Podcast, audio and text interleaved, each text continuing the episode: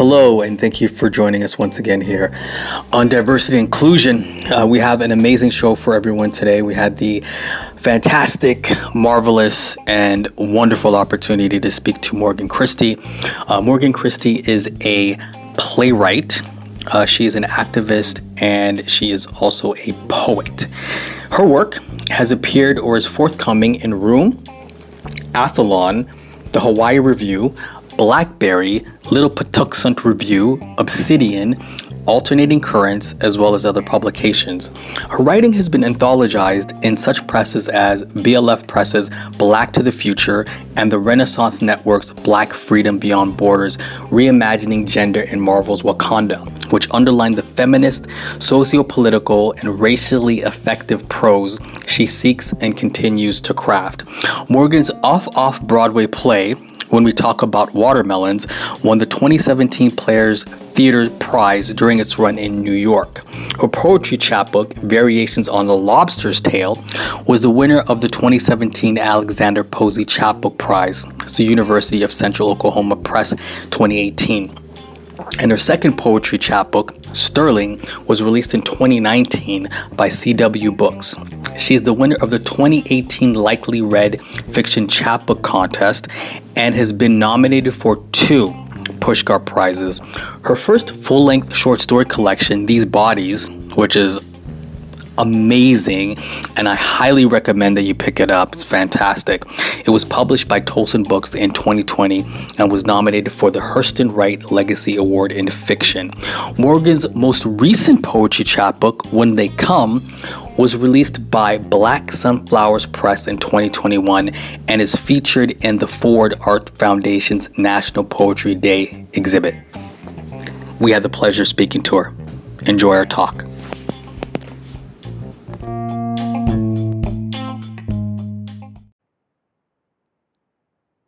Okay. So, welcome back to Diversity and Inclusion. We have another amazing show for everyone today. We're joined by Morgan Christie. She is an author, poet, playwright, and creative spirit. Her work has appeared or is forthcoming in Room, Aethlon, the Hawai'i Review, Obra Artifact, Blackberry, Little Patuxent Review, Alternating Currents, as well as other publications. Morgan's off off Broadway play, when we talk about watermelons, won the 2017 Players Theater Prize during its run in New York. Her poetry chapbook, Variations on a Lobster's Tale, was the winner of the 2017 Alexander Posey Chapbook Prize by the University of Central Oklahoma Press 2018. And her second poetry chapbook, Sterling, was released in 2019 by CW Books. She's the winner of the 2018 Likely Red Fiction Chapbook Contest and has been nominated for Pushcart Prize and Best of Net. Best of the Net. Her first full length short story collection, These Bodies, was published by Tolsun Books in 2020. Her most recent poetry chapbook, When They Come, was released by Black Sunflowers Press in 2021 and is featured in the Forward Arts Foundation's National Poetry Day exhibit. Welcome, Morgan. Thank you. It's just it's so strange hearing all of that stuff kind of read back to you. We all know it's there, but it's just so strange. But thank you, thank you. I'm really yeah. glad to be here. yeah, we're so happy to have you. You've had a bit of an adventure, um, so we're we're glad that you know you're with us, uh, and we're, we're really really happy to talk with you. Uh, so just to begin, I'm just wondering, as far as um, your creative journey. I'm just wondering how that has informed your approach to writing and creativity. Mm. Well, I mean, it's kind of been um, a staple in my life. hmm I mean, most of the time, I can't say, I can't think of a time that writing or some sort of journey or affectation in regards to literature wasn't affecting my, yeah, my creative journey. And so I've found that not um, necessarily kind of defining yourself in one way as an artist or as a creative is probably the most freeing thing that we can do for ourselves. Mm-hmm. And that process has really just helped me be able to kind of stream off into all of these different subsections that I've been able to. Yeah, it's amazing. Um, so I'm just wondering, what is your writing ritual? Like, what do you do? Do you have a certain time that you write? Uh, do you need to, you know, put on some incense? Uh, maybe it's uh, music. What what do you like to do? Um, no, it's a good question, and I Yeah. it's we I get it a lot. I find that just in general, writers get it a Mhm. lot, and I think that there are people that are a lot more disciplined than me in regards to that. Um, there was a point where I did say I was going to, you know, write a certain amount every day, make sure that I was, you know, pushing something out, but it just didn't really work with my writing style. I think it just can it can really vary. Um, I try to make sure that I'm at least um, composing enough so that I have something by the end end of every year. My goal is by the end of every year to have something publishable, to have something that I can present and put out into the world. So that means throughout the year, I have to be producing enough. But I Mhm. mean, sometimes I might not write for a couple of weeks, and others I might have a dream sequence, honestly, and wake Mm, up from a dream and just like pen a short piece, a long Oh, piece, wow. an essay that I'm interested in. So it just it varies, but I just make sure that I'm constantly producing. That's interesting that you say sort of like a, a dream piece. So, are you able to transcribe everything as you see it in your dreams, or is there sort of like a, a differentiation in terms of what you see and, and how it's represented on the page? I've literally transcribed things directly from a dream. I've only done this a few times. Only a few times, yeah, but, um. Huh. in the, uh, the full-length collection, I actually have, um, a couple of pieces that stemmed that way, and I just I was just asleep and just, you know, and I I started there was this habit, it was actually an old professor of mine, hmm cannot remember which one, that that's horrible, but there was someone that basically said, "Always always have a notebook next to your bed, though. Always try and sleep." I think it was Cheryl. But yeah, she said, always sleep with a notebook next to your bed because you don't know what's going to come to you. And normally, a lot of our best stuff comes in that space. And so I've actually had full dream sequences where I just woke up immediately and wrote a story half asleep and woke up the next morning to a piece of fiction or some sort of poetry next to my bed that I did not even remember transcribing, Wow. but it existed there. That, that's that's amazing you're able to have such a direct link to your subconscious. But do you think that essentially that's what unfiltered art actually is? It's that link to the subconscious without any of that filtering or editing. Uh, you're Oh, able to kind of uh, manifest that and articulate that in, in a very, very direct way.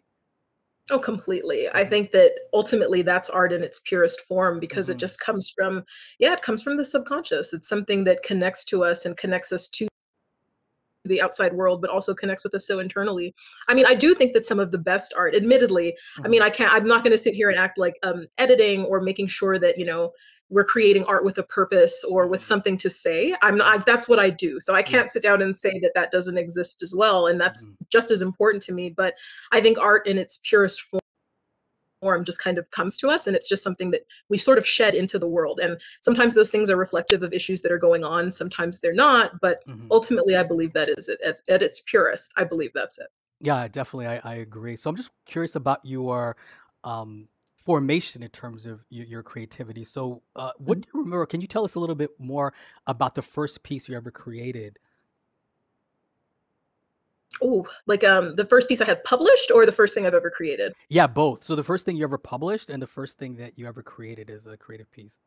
okay um the first creative piece that well that sticks out anyway i've been writing for years writing little stories as a kid but hmm the first piece i remember um, writing and really feeling connected to like this is something i think i might be able to present and do was a poem in a creative writing course um, in high school i believe i think i was in high school and okay. it was one of the first times that i had done something that felt representative of me um, hmm specifically as a black woman it was something that was kind of touching on beauty norms and these sort of regimes in regards to these ideas. And i loved it. I really loved the piece and i actually shared it with people which was one of the first times i had done that um, well outside of the the workshop group. And um, yeah and I, I felt connected to the work in that way and to see the power that i guess the power that words and our prose could kind of hold or our verse whatever the case and connect people to each other in this different way. So that was the first piece that I created that really made me feel that this is a journey I'm willing to take. Um, the first published piece was actually creative nonfiction. It Mm, was a bit of a, a memoir piece um, just on an altercation that had happened in my community at the time. And it was just this kind of, um, it was just this kind of, I was trying to create this mirrored idea of society, of our justice system, mm-hmm. of race relations, just all of these things that were happening right there in Toronto because you know that was something that I've always kind of just I don't know had a little disdain for in our mm-hmm. city and yeah. even in our country. Just that this conversation is always created um, such distance, as if this this sort of thing doesn't exist here, and uh, we all know that's not true. And so, well, no, we didn't all know that was that's not true, and that was the point of creating that piece of prose. So even before I considered myself a kind of social justice advocate through my work i was doing it without even realizing that i was and so nice. that kind of you know reflects back to your other question on the importance of the edit or how things actually you know can be perceived when on the page mm-hmm. no, that's a very very important point so i'm wondering also too just in terms of the way that you look at your work i'm wondering how hard you are on yourself with regard to editing your work or filtering it going through the different phases uh, up until the point where it's actually uh, to the point where you can actually publish it? Oh, extremely. Yeah. Um, but I think that's the best medicine. that's just the way I was taught. It was the way I was raised. It was the way I was taught just to be critical. And I think, but that gives us the space to actually create things that are publishable, mm-hmm. right? If we yes. can actually be hard on ourselves and do that. Um, admittedly, I will say, since kind of moving forward a bit in the career, and when you get to a point where you have an editor and you have a publicist, you kind of have people doing that for you a little mm-hmm. bit. So you almost don't have you. I mean, you still are just as hard on yourself, but it's nice having those other people there that, that can catch and can see what's going on and can kind of inform your stuff a little bit. And sometimes it can give you a little bit more room to just, you know, keep creating and not spend a month on something that you know you could pro- probably spend half of the time on realistically but some things just take more time too. So it just it you know it all depends really. Yeah yeah. And, and with that said i'm just wondering how you like to work with editors. Do you, you prefer somebody that's very uh, i guess critical with your work or do you prefer somebody that's more um, soft in terms of the way that they approach the criticism to your work and how you can improve upon it? Um i've always uh, oh no I've, yeah i've always preferred the critical um, whether it was workshopping as a kid whether it was myself now with my editors it's just and it's not that you want someone to go and murder your, your writing you know it's, it's, not that you're looking you know i'm not it's not about you know any kind of sadism it's just it's really approaching a situation and and having someone say okay this is great this is great but we're writers it's like you know we know well we try to present something that's great right something yes. that we like don't need to know, and it's not just writers in general, this is how people are, but we don't really need to know what gets a check mark. What gets a check mark will stay. And if mm-hmm. something really works, of course, you know, a compliment is nice. But the thing that we need, in my opinion, is we just need the criticism because how are we going to grow? How are we going to polish? How are we going to hone this? And one of my experiences as of late, I guess, in working with so many outward people in regards to the process, yeah. has been figuring out what works for you and what works commercially. Mm-hmm um, it's a really it's a really tough step to have to take because as an artist i think you always want to be true to what you're creating but i do think there's a point where you have to realize what the market is doing too and you know mm-hmm. how we can better push and make things appropriate so that's kind of reflective right now in some of the essays that i've been working on and some mm-hmm. of the mm-hmm. nonfiction i've been kind of putting out there in articles but yeah you know it's it's it's a tough balance i guess yeah, it's interesting you say that because uh, my question that comes to my mind then is how do you sort of thread that needle and walk that fine line between making art that you're you're proud of uh, and is representative of where you are at this Mm. particular point, but also being cognizant of what's happening in the marketplace. Uh, how are you able to to kind of walk that line? Well, to be fair, having people help you walk that line is a big part of it um, because mm-hmm. sometimes you just don't know. Yeah. Sometimes you really just don't know. Um, and that's what, you know, teams are for, you know, people that can do this research and let you know what's happening. But just being current um, is just knowing what's happening in the world makes your writing so much more informed. It makes us more more informed in Definitely. general. Mm-hmm. So you know being able to know what's happening if you're responding to things that are very current and things that have been long-standing issues that have you know not gone anywhere um, those things make it you know a lot more accessible but in regards to let's say like that's that's me talking about nonfiction or essays but when yes. i think about this like if you're referring to something more like um, uh, fiction or just like mm-hmm you know just kind of like what's happening with the novel there are times where first person narratives are just hotter than you know third person mm-hmm. and i don't know because i mean i kind of pick up and read what i like to read and i've always detested writing in the first person. So when you kind of have, you know, an editor like, hey, produce something, you know, from a first person perspective, because that's what's selling right now, it's good to know. It's good to have someone there to kind of nudge you in that direction because I know I see it. Mm-hmm. But you know, if you kind of have your preferences, you just lean towards certain things sometimes and you kind of just stay in your lane a little bit and it's good yes. for someone to be there to help, you know, shove you out. yes. exactly. and just speaking about that, you know, growing and, and, things of that nature, I'm just wondering how important mentorship is not only to your life, but also to your creative mm. practice. Mm. I think it's extremely important. Um, and that's also if you're lucky enough to actually get one. I've discovered and this is a really sad reality in regards to different mentorship programs and just actual structural and like just structural means of that idea. It's extremely hard to get mentorship that way like whether it's applications whether you see like grant opportunities to have these things happen it's hard. It's just uh, you know i think that there's a very niche group that often get kind of you know selected and that's wonderful but then there's a lot of people that are just kind of waving for help because yes. you're kind of in that you know in that um, that middle ground of your career where you are maybe you're kind of past emerging but you're still at a point where you have a lot more room and a lot more space that you have to grow so i think the importance is being able to kind of um, keep the relationships that you form with some of the people in your past and i think inadvertently having them become mentors there are old professors that i'm still in touch with people i still talk to share some of my writing with that i can always go and talk to about the process and mm-hmm. i don't i don't think about them as like typical mentors because they were literally professors but then they kind of come into that role as our friendships build and you know we continue to grow so mm-hmm. it's it's difficult though it's a really tough space and i know that as a writer and i have other friends involved in other arts and like painters and musicians and mm-hmm. it's the mm-hmm. same thing it's extremely difficult to find that sort of like formal mentor type of role mm-hmm. yeah. i'm curious though if you could change one thing about uh, the creative process of your creative process what would that one thing be or what part of the creative process also do you enjoy the most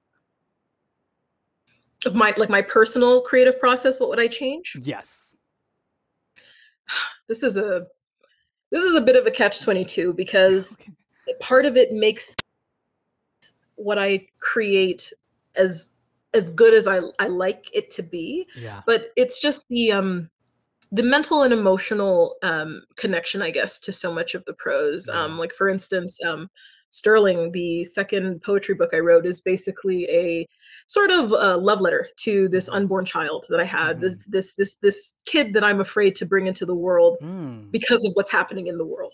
Okay. Yeah. And you write this, and I go to readings or I go to different events, and it's um it's nearly a breakdown. It's like there are pieces of work that I can't read because mm. there's just mm. too much. You know, there's too much. um there's too much candor. I, I leave a lot on the page, which I think we're supposed to do. Yes. But it's it is it's almost physically demanding. It's emotionally tiring. It is mentally exhausting sometimes. And physically, you read these things and you just you pour out. And that type of space, while I I love it, and I don't think I could write any other way, especially regarding certain um, certain topics. But it's also something that is kind of um it's really vulnerable. It just makes us really vulnerable you know and it's really tiring it's really exhausting. So in a way you almost want to keep the distance that you mm-hmm. can have from that process but mm-hmm. it's the closeness i think that brings out most of the power in the writing that we see. Um so yeah so that's what i would change. And i'm sorry what was the second part of the question? The second part of the question was overall in terms of the creative process what else uh, what what part of the creative process do you enjoy the most Oh, do you enjoy? Oh, the explorative nature. Just getting to explore and not having any type of box or bound to anything. Yes. You just create and do whatever you want to do with whatever you want to do. I just mm-hmm. don't think there's anything more amazing than that process. You can research what you want, you can write about what you want, you can talk about what you want, you can call attention to what you want to and what's necessary. You know, I'm I'm not a there are a lot of art for art's sake people in the world, and I think it's lovely. I do. I think it's really wonderful. But I think art with a purpose is just one of the most powerful things that we still have in existence today. in regards to creating social change in regards to you know just personal affectation and moving people it's yes. just it's a beautiful beautiful process so just being able to explore and just kind of do what you want to do with something that's the best part I would definitely agree. And it's interesting because when you're talking sort of about that emotive process, I just remember reading your uh, uh, the short story Twelve Steps, which is extremely masterful in your in your Oh, thank body of work. Yeah, it's it's fantastic. The struggle with addiction is so palpable.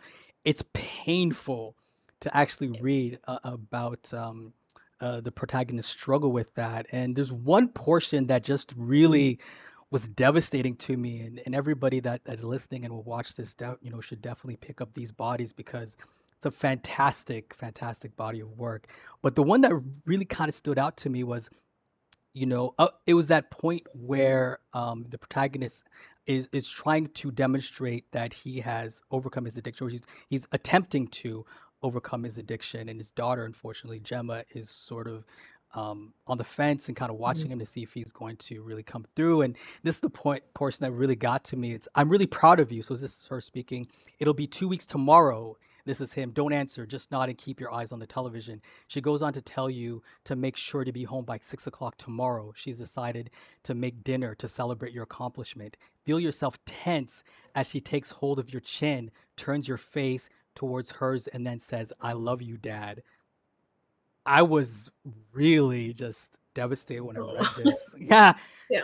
Uh, because it's it's extremely like it cuts right to the bone and it brings you right not only in terms of his experience but also her experience uh, and i thought that was extremely powerful so I, I was just wondering what went Yeah. into yeah it's amazing what went into creating this particular story um, and this scene in particular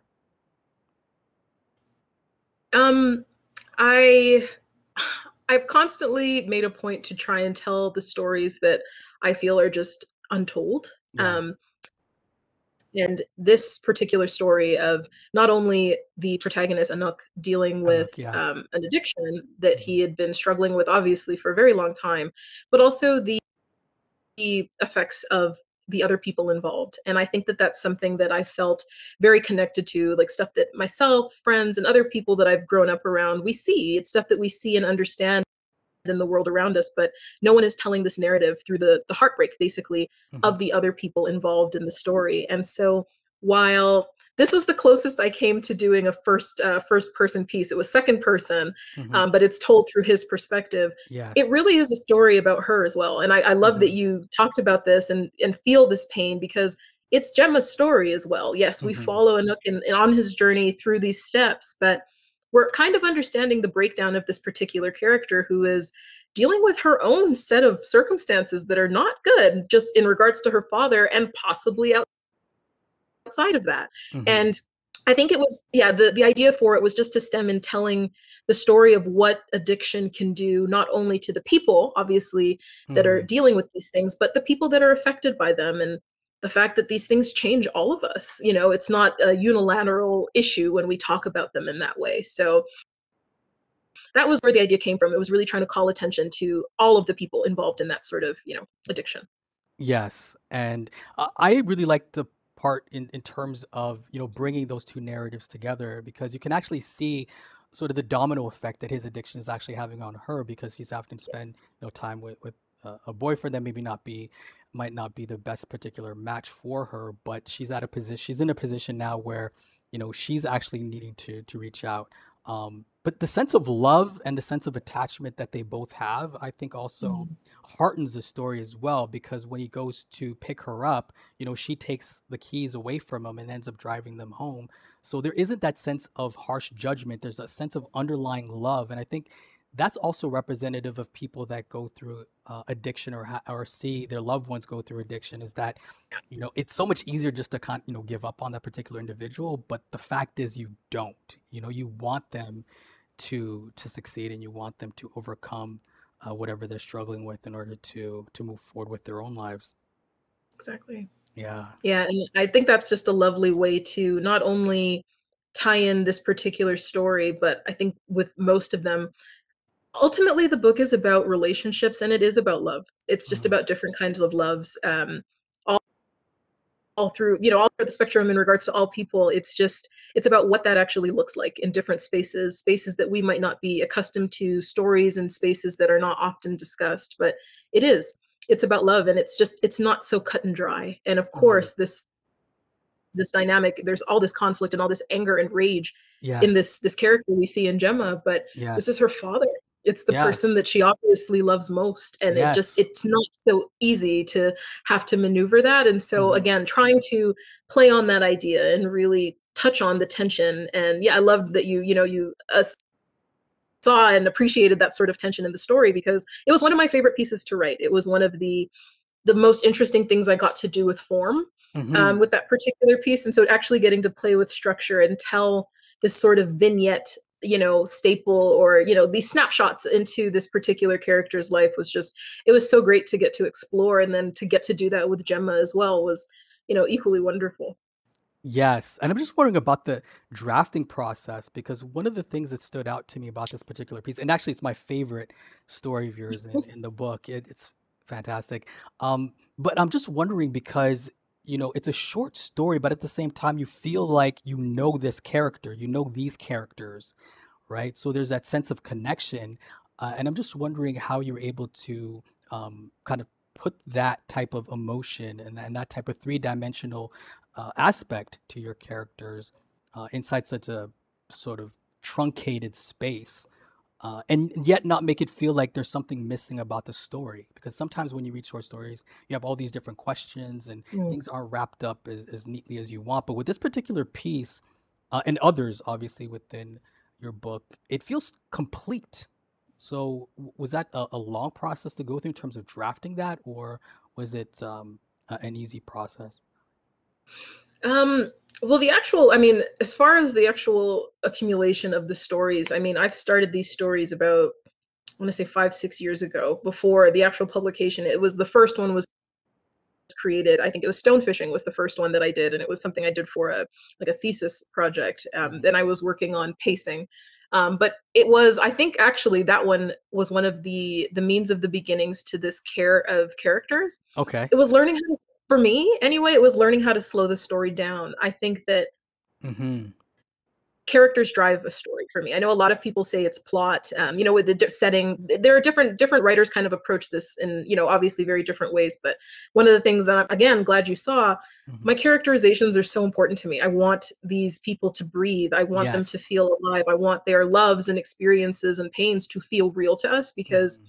i believe that that connects us to a story. I believe that understanding that does that for more more than anything. I think there's always a climax. You know, we can talk about Freytag's pyramid and what's supposed to happen in a story. You know, we can talk about the importance of setting in regards to certain environments, but Mhm. these characters, they we just kind of have to live and breathe through them. And so even outside of just this particular writing, all of my stuff kind of does this. I'm just I'm so character based and I try to Mhm. take a lot of time and with uh 12 steps specifically, I do think that some of that has to go to the form. I, I Yeah. honestly really liked writing in the second person a lot more than I expected to.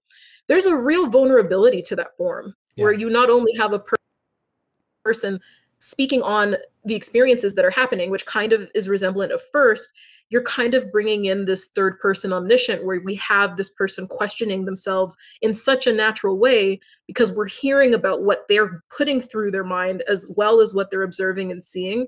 And it kind of happens really seamlessly with that particular Mhm. form. And people people always say avoid the second person. People say avoid it it's horrible but and it's tough. I do think it's a, a strange form to kind of play with. It can be really awkward it can be clunky and a bit unnatural but if everything kind of flows together and i think you can find that proper vulnerability in the character that you're creating i think it really does work in just kind of fleshing out who they are I definitely. I I think it, it it puts the reader at just at the distance where you want them. I, I think, and you've you've done that Mhm. extremely well. Um, so I, you know, one of the other pieces too that I really enjoyed was Dry Dreams, uh, because it Mm. it reminded me a lot of Fences in, in with respect to ah you you know keeping people uh, that interesting yeah because it reminded me of sort of that tenet of you know keeping those w- that we love at a distance, and I thought that was embedded in the narrative. Um, Mhm. uh, and I'm just curious about the way that you know your main characters, Samaya and Raj, would Mhm. describe their goals for their relationship before the dry dream, and then after Raj is able to help her reach the climax towards the end there. Yeah, um, I think that's the I think that was the problem honestly with the two characters in the beginning yeah. is that they really didn't have anything set. They didn't really have this conversation. They weren't open to any vulnerabilities, any concerns or any worries. It just wasn't mm-hmm. discussed. And I think that that becomes again one of the issues the, the central issue here is communication.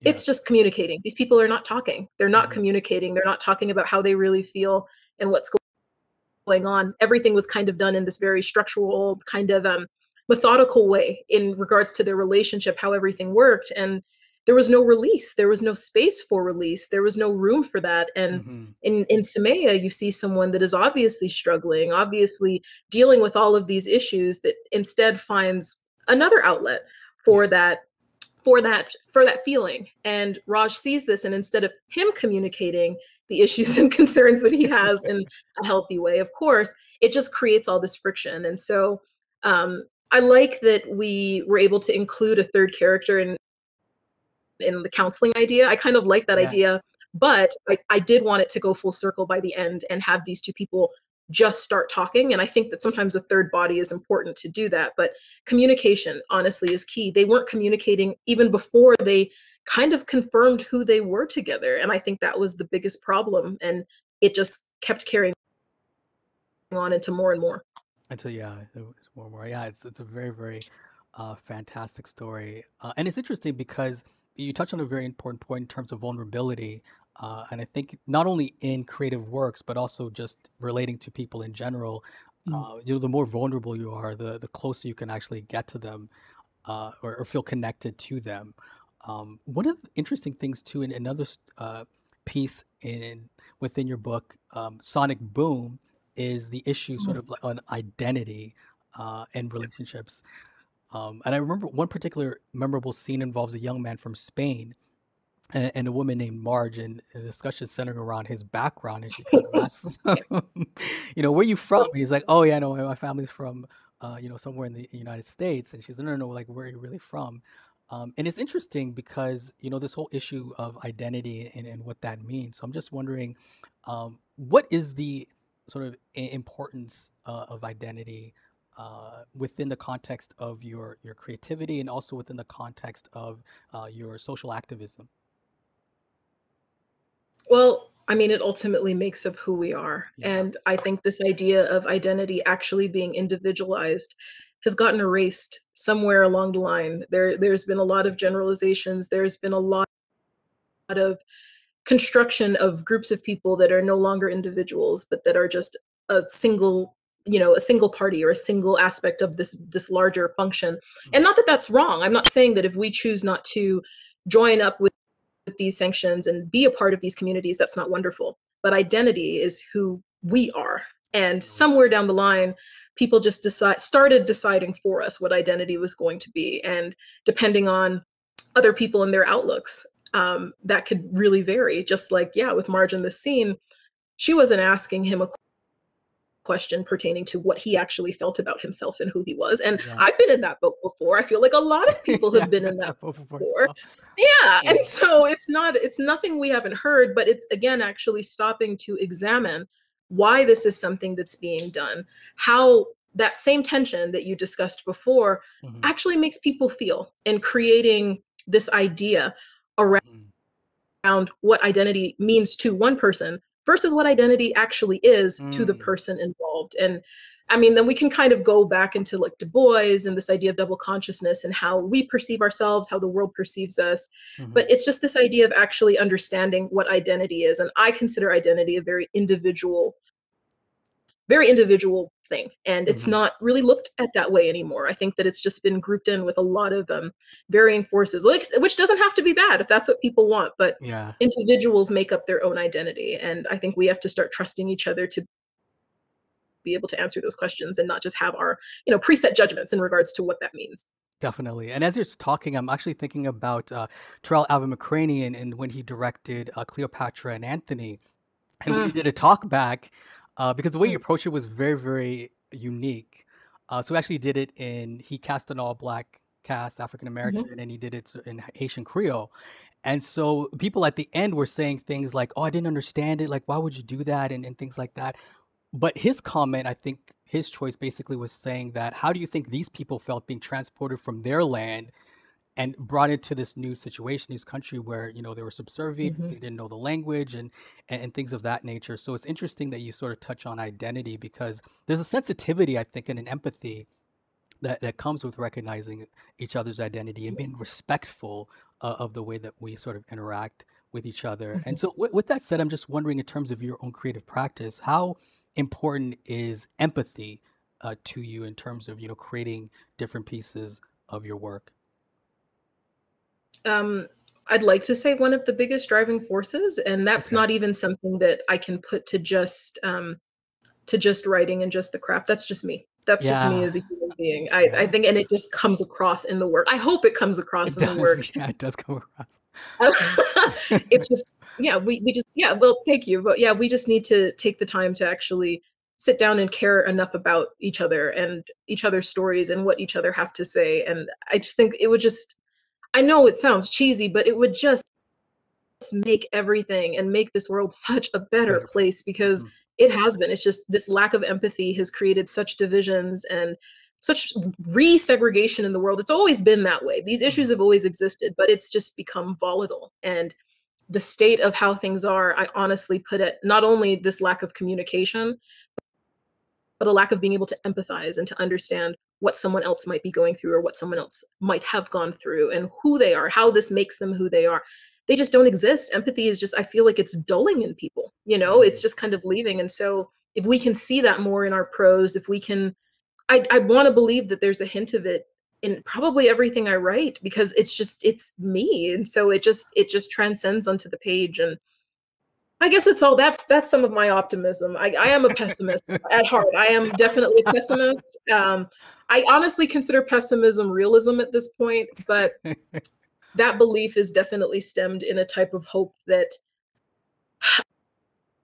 I just I I, I genuinely hope we can get back to as, yeah. as, as individuals, as people sharing this globe. I I, I hope so one day. Yeah, I, I hope so as well. Um, so as as my last question, I'm just wondering, um, so what impact ultimately do you want to have as a human being, as an activist, and also as a creative, as an as an artist? hopefully to continue to do what I've been doing and telling the stories that I believe are still not told enough. Um, mm-hmm. to tell them in ways that touch people, that resonate, and in some kind of construct that helps us to better understand. Because if there's some type of olive branch, if there's some sort of step taken, for some people, that can't be walking up to someone they don't know and asking a question or doing that but maybe it's through fiction maybe it's through prose maybe it's through an essay but something that connects people to the world around them in a way that they're unable to do without a, a sort of resource or a sort of um, stepladder to be able to find that space. It's just it's just supporting just this growth as individuals and trying to reconnect everybody. It, it really is. I mean, it might sound a little sappy, but I think it's just it's just genuinely how I I'd like to want us to be and the way I want all of us to exist. And I mean, I get to a point where I know like um, my work is often discussed as like um this pillar for like um communities of color for underrepresented people and mm-hmm. I just I'm in in some ways I love that aspect. I love that that's a reality, but in others it's it's kind of still saddening that that's yeah. all stuff that's still so real right now and that there are still underrepresented writers and stories amidst this huge publishing market amidst this world that's just garnered with nothing but information to still hear things like um, someone striving for this sort of you know representation and you know serving the underserved i love it but and i really hate it too you know mm-hmm. and if we can just start to bridge that and kind of create a normalcy in all things where things don't have to have that sort of division even in our subset groups whether we're talking about just regular work environments or whether we're talking about writing or just social interactions you know just getting to a point where all situations all stories are just on this equal playing ground the way that they are, even though there are a lot of people that still just don't want to accept or see that reality. Mm-hmm. Yeah, I totally agree. And uh, we love to thank you so much for joining us, and we're looking forward to uh, reading more of your work. You're fantastic, and everyone should go pick up your work and support you. So thank you. Oh, thank you so much. and I do have some news. Sorry, but oh, please, yeah, go ahead. Before you go, I know we are cutting short, but I do have some news. I just found out actually since we last spoke that um, these bodies actually got nominated for um, a Hurston Wright Legacy Award in fiction. And it was so exciting. Thank you. it was such a, an exciting experience. And oh so, like I said, you know, I'm I'm, I feel like I'm just this little fish amongst these behemoth authors in that list, but please go check out the Hurston Wright Foundation, what they're creating. Please check out Tolsun Books, my publisher, who's been such a great means of support for this process. But also, it's just, you know, I'm just so excited about that. And hopefully, you know, it, it garners people just to want to pick it up even more and see what's going on. So thank you for having me. I'm just, I'm so glad to be here. It's so wonderful. Yeah, we expect more. We're definitely, this is only the beginning. We expect to see more. Oh, I'd love to be back. Please, please. this is a great, great conversation. So much fun. Thank you so much. We'll talk soon. Okay, right, bye-bye. bye-bye.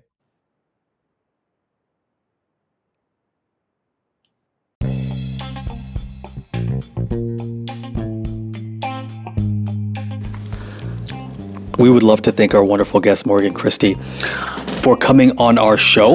Uh, her poetry books, Sterling, Variations on a Lobster's Tale, and When They Come, as well as information about her short story collection, These Bodies, which I definitely recommend. Actually, all of her work is fantastic, so pick them all up. All of that information is included in the show notes. Thank you so much once again for listening, and remember, these are our stories.